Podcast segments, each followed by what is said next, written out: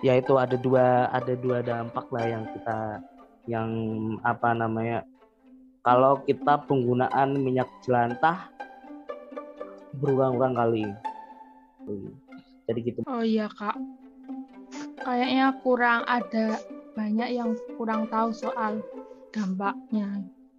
Hmm, banyak sekali. Makanya itu kita dari rumah jelantah itu mengkampanyekan kepada masyarakat bahwasanya adalah minyak selantah itu uh, tidak boleh menggunakan berulang-ulang kali.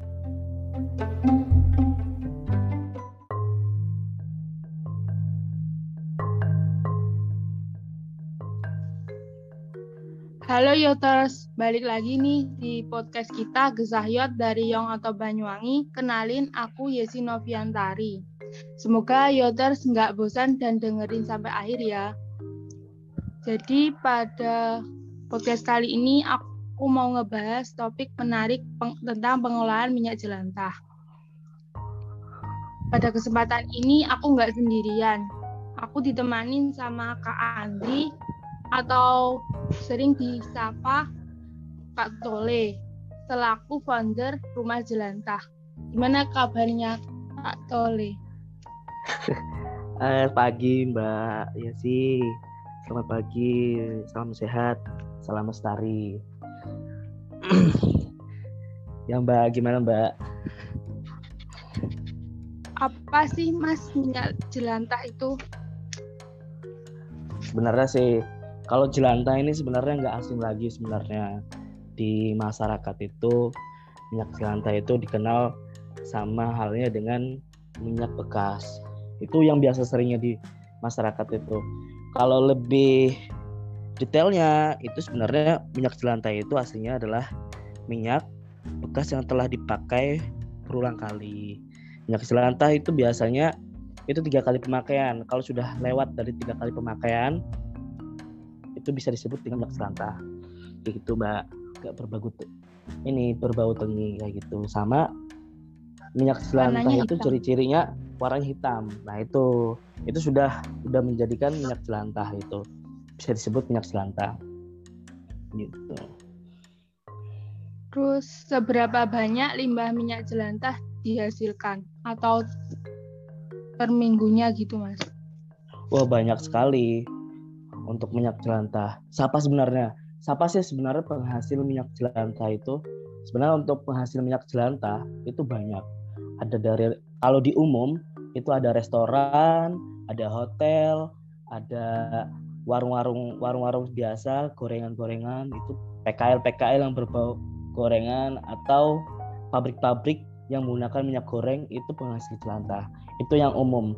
Jadi ada dua kategori. Jadi kategori umum dan kategori masyarakat. Nah, masyarakat itu adalah ya masyarakat pada umumnya, ya rumah tangga itu penghasil minyak jelantah. Berapa banyaknya?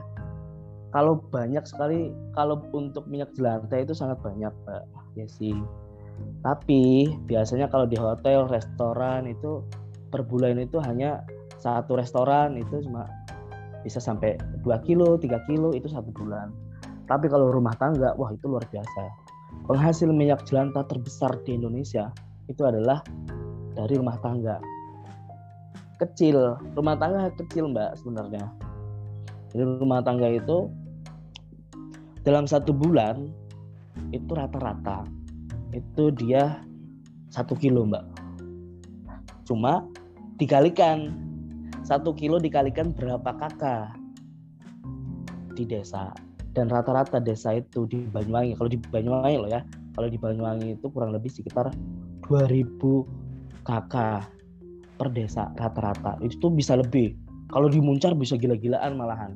Itu rata-rata. Saya rata-rata kan 2000 rumah. Kalau kita rata-ratakan 2000 rumah berarti 2000 kakak. 2000 kakak dalam satu kakak itu satu kilo. Berarti ketemunya dalam satu bulan adalah 2000 2000 kilo atau sama dengan 2 ton. Itu dengan asumsi 2000 kakak dalam satu desa. Berarti ketemunya 2 ton luar biasa kan aslinya itu mbak itu penghasil minyak jelantah paling besar sepele tapi kelihatannya besar besar itu mbak itu dari hotel dan restoran itu paling besar adalah rumah tangga. Makanya kita di rumah jelantah bagaimana kita mengkampanyekan itu ke warga-warga supaya mereka tidak membuang minyak jelantah sembarangan. Supaya apa? Ya itu tadi kalau dalam satu desa dua ton per bulan berarti dua ton itu sudah mencemari lingkungan yang ada di desa tersebut gitu mbak tapi sekarang hmm. kan harga minyak itu mahal bisa hmm. mengurangi hmm. minyak jelantah nggak kalau walau walaupun mahal tetap dibeli mbak jadi minyak goreng minyak goreng itu mahal emang sekarang lagi mahal mahal itu kan karena biasanya itu minyak goreng itu kan mereka impor. Mereka impor dari luar negeri. Malah impor malahan minyak itu. Jadi rantai rantai minyak ini lucu di Indonesia. Saya kebetulan kan ketemu sama teman-teman yang di minyak minyak sawit itu kan. Dan jadi sawit kelapa minyak sawit itu dikirim ke luar negeri. Dijual harga mahal. Dikirim lagi ke Indonesia dengan harga murah.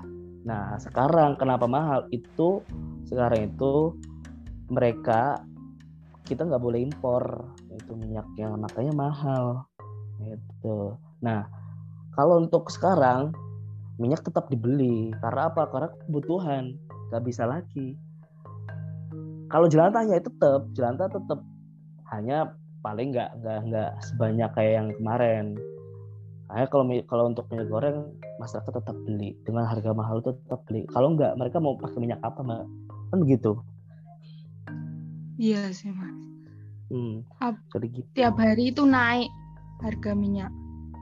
Hmm, tapi nanti dalam dua bulan lagi, dua bulan lagi insya Allah harga apa namanya harga minyak itu turun, itu. Karena juga lagi ekspor ini kan kapal itu kenaikan dua kali lipat, makanya juga itu salah satu pengaruhnya. Jadi minyak goreng itu mahal. Insya Allah paling bulan depan eh, dua bulan lagi udah mulai turun untuk minyak goreng itu. Jadi harganya harga normal gitu mbak terus apa saja dampak penggunaan lima, limbah jelantah itu sendiri kak kan ada Wah. dampak kesehatan sama dampak lingkungan mm -mm. sebenarnya ya itu ada dua ada dua dampak lah yang kita yang apa namanya kalau kita penggunaan minyak jelantah berulang-ulang kali nah kalau di minyak jelantah itu ada dampaknya. Yang pertama adalah dampak lingkungan. Apa sih sebenarnya dampak lingkungan itu yang biasanya kita kita iniin? Yang pertama adalah pencemaran lingkungan, itu jelas. Tadi saya bilang tadi kalau misalkan kita di dalam satu desa 2000 kakak, berarti ketemunya adalah 2, 2 ton per bulan itu sudah mencemari lingkungan yang di sana. Terus yang kedua adalah merusak ekosistem air. Jelas. Karena kan kebanyakan minyak jelantah ini kalau di rumah itu wes langsung dibuang wes neng drainase. Nah itu atau misalkan dibuang ke sungai. Nah itu sudah mencemari lingkungan udah di situ. Terus yang ketiga adalah karena biasanya rumah tangga itu atau umum minyak jelantah itu kan langsung dibuang. Habis cuci piring langsung sudah dibuang langsung ke apa namanya ke tempat pembuangan air itu kan. Jadi tersumbatlah drainasenya itu. Itu. Terus yang terakhir adalah kalau kita membuang minyak goreng atau minyak jelantah ke mana namanya ke tanah nah itu sudah mempengaruhi kesuburan tanah tersebut mbak. Bayangkan kalau misalkan 2000 2000 kilo lah atau 2 ton itu dalam satu bulan. Dibuang ke tanah wes sudah pencemaran itu udah merusak tanah yang ada di situ. Kali kan satu tahun. Itu pak itu dampaknya luar biasa. Itu dampak dari lingkungan. Terus untuk dampak di kesehatan adalah jadi di kesehatan ini kenapa sekarang masyarakat itu banyak yang kena penyakit? Salah satu faktor adalah mereka menggunakan minyak jelantah berulang kali nah ini yang harus kita sadarkan ke masyarakat bahwasanya minyak goreng itu harusnya tiga kali pemakaian. Kalau lebih nggak boleh. Makanya di masyarakat tuh kadang ada yang kena penyakit obesitas. Coba sampai kalau misalnya lihat teman-teman sampean itu ada yang perutnya agak buncit terus ada yang agak lemu-lemu wah itu kena kena obesitas itu. Kebanyakan makan minyak jelantah itu gorengan-gorengan itu ya biasanya. Terus kadang juga si minyak jelantah ini tuh salah satu menyebabkan atau membangkitkan kanker mbak. Jadi kanker macam-macam. Ada kanker usus ada kanker lidah banyak macam jadi di memunculkan kanker itu ya salah satunya adalah dari minyak jelantah. Makanya harus kita kurangin lah penggunaan minyak jelantah itu supaya tidak kena kanker. Terus, nah, kenapa ada juga ini dari dampak kesehatan masyarakat itu sekarang itu kan lagi rame, pak, lagi ramenya masyarakat itu kena kolesterol, kolesterol tinggi. Nah, sebenarnya itu ya dari penggunaan minyak jelantah itu salah satunya. Terus juga yang terakhir adalah radang tenggorokan radang tenggorokan gara-gara menggunakan namanya minyak jelantah itu. Sebenarnya dampak kesehatan tuh sangat banyak, Mbak. Hanya itu sebagian aja saya sebutkan. Jadi harusnya ya itu tadi kita harus mensosialisasikan mengenai tentang bahaya minyak jelantah untuk penggunaan berulang kali. Jadi gitu. Oh iya, Kak.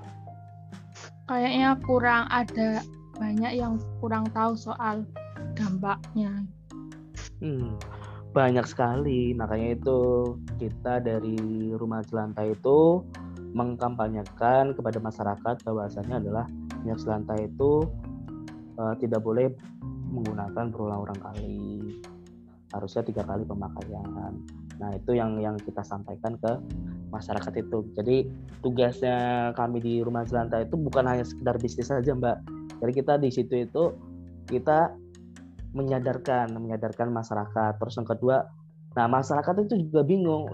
Terus kalau misalkan saya sadar mas nggak buang ke lingkungan atau ke tanah ini gimana mas? Ada nggak yang ngambil? Lah makanya kamilah di rumah jelantah itu mewadahin jelantah-jelantah yang ada di masyarakat ataupun umum. Nah, gitu daripada mereka bingung. Gitu Pasti banyak yang penasaran rumah jelantah itu di mana sih mas tempatnya? Hmm. Kalau kita sebenarnya pusatnya kita di di Banyuwangi. Hanya kita sekarang sudah perluasan wilayah. Jadi di Jawa Timur itu kita sudah memegang beberapa wilayah. Kita ada agen tim-tim saya juga. Itu ada 12 kabupaten di Jawa Timur. Terus untuk di luar Jawa kita ada di Bali, Lombok, sama terakhir paling jauh kita di Labuan Bajo. Jadi kalau misalkan teman-teman yang mau bergabung atau di luar daerah. Nanti bisa bisa dikomunikasikan ataupun teman-teman yang mau bergabung di kita menjadi agen kita atau menjadi tim kita bisa mbak. Tuh. Nah kalau kita di rumah rumah jelantah ini kan sebenarnya emang wadah wadah uh, jelantah-jelantah emang wadah jelantah-jelantah yang kita sosialisasikan ada empat poin mbak sebenarnya kita sampaikan. Jadi kita tuh bukan hanya sekedar bisnis atau bukan sekedar hanya mengambil keuntungan enggak, tapi kita di rumah jelantah itu bahwa yang bagaimana kita memberikan solusi kepada masyarakat. Yang pertama adalah poin yang kita kita kasih tahu ke masyarakat adalah ya tadi dampak mengenai tentang lingkungan. Itu itu jelas. Terus yang kedua adalah kita mensosialisasikan tentang bagaimana masyarakat itu bisa belajar tentang pola hidup sehat. Nah, itu yang kedua. Terus yang ketiga adalah bagaimana masyarakat ini dia punya nilai ekonomis, dia punya pendapatan.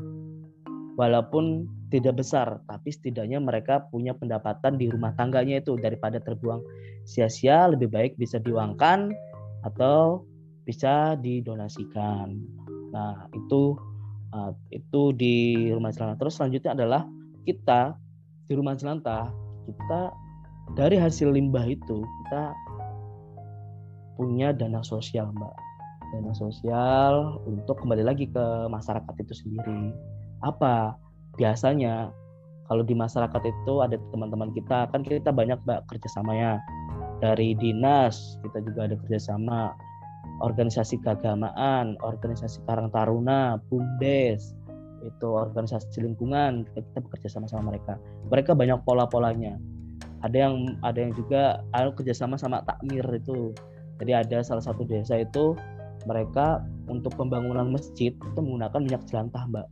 Jadi masyarakat itu mengumpulkan di takmir satu minggu sekali dicatat sama takmir untuk pembangunan uh, masjid. Terus ada juga Karang Taruna mereka apa namanya untuk satu bulan sekali san, buat santunan anak yatim. Uh, jadi uang uangnya jelantah itu.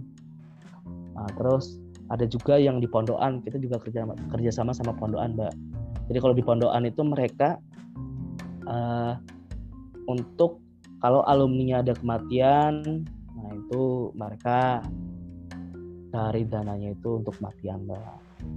Diambil untuk kematian.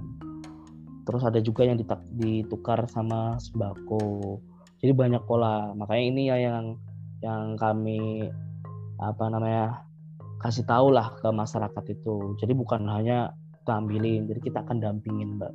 Kita akan dampingin masyarakat biar punya pendapatan kita sosialisasikan tentang tentang lingkungan kesehatan sosialnya pun. Nah dari hasil jelantah itu pun kita juga punya warung nih mbak.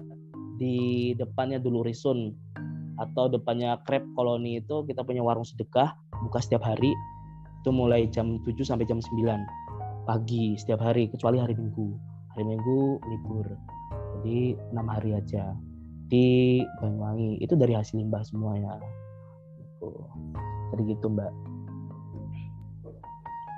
ada sosmednya enggak kak ada sosmednya di Rumah Jelantah Banyuwangi IG itu Iya. IG berarti.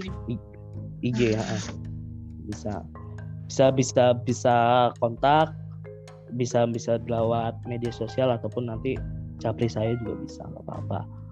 Nanti kita akan bantu teman-teman yang mau bergabung, kita akan dampingin, kita akan nanti buatkan apa namanya yes MOU-nya, jadi begitu mbak. Jadi semua transaksi kita semua jelas mbak. Jadi yang itu biar enak kita akan dampingin bagaimana nanti kalau kita di masyarakat itu ya kalau kita di masyarakat itu sistemnya adalah kita modelnya seperti bank mbak. Jadi kita namain bank jelantah jadi mereka e, masyarakat itu mengumpulkan satu minggu sekali satu minggu sekali ditampung dan pencairan satu bulan. Nah satu bulan nanti kita akan kasihkan uangnya mbak. Kayak gitu. Kita juga ada kerja sama sama sekolah-sekolahan ya. Jadi kita oh. juga ada kerjasama sama sekolahan di SD mbak. Di SD ada beberapa SD sih kita kerja sama-sama SD itu jadi anak-anak SD itu mereka mengumpulkan jelantahnya untuk pembayaran ekstrakurikuler. Itu dana jadi dari jelantah itu. Jadi minyak jelantah itu sangat berpotensi bisnis buat bisnis ya mas? Ya berpotensi sekali. Dari jadi teman-teman itu ya bukan hanya sekedar bisnis deh. Jadi dampak dari minyak jelantah itu sebenarnya banyak sekali. Bukan hanya dampak lingkungan aja, sebenarnya dampak ekonomi itu juga bakalan terangkat kayak gitu loh. Masyarakat juga dapat, teman-teman yang bergerak juga dapat, semuanya lah dapat. Makanya kenapa kita punya tagline ubah limbah jadi berkah. Nah, dari hasil minyak jelantah ini semuanya akan menjadi berkah, Mbak. Kayak gitu loh. Harapannya begitu. Yang biasa dibuang itulah yang kita daripada terbuang sia-sia lebih baik dijadikan uang ataupun dinasikan sebagai ya tadi supaya jadi berkah itulah. Itu mbak. Makanya stoplah stop untuk membuang minyak jelantah sekarang.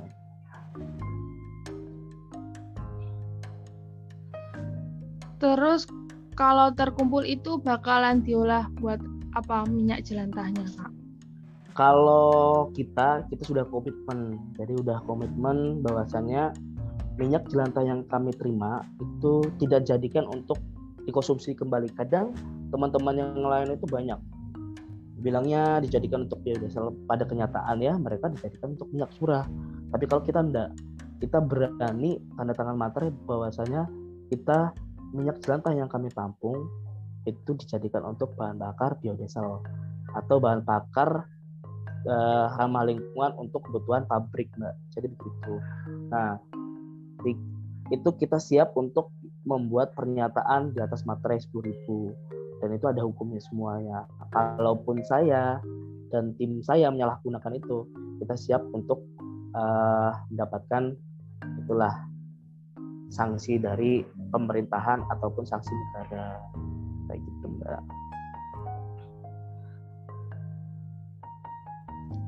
Iya kak. Sekian hmm. sekian dari podcast ini. Jadi kesimpulannya yang bisa kita ambil dari podcast pengolahan limbah minyak jelantah adalah manfaatkanlah minyak jelantah sebaik mungkin agar nantinya tidak menimbulkan dampak bagi lingkungan dan kesehatan. Jadi mulai sekarang kumpulin minyak jelantah di botol plastik dan nantinya bisa disetorkan ke rumah jelantah untuk diolah. Makasih buat Kak Tole udah mau ngeluangin waktunya buat aku tanyain Semoga bermanfaat. See you on the next podcast.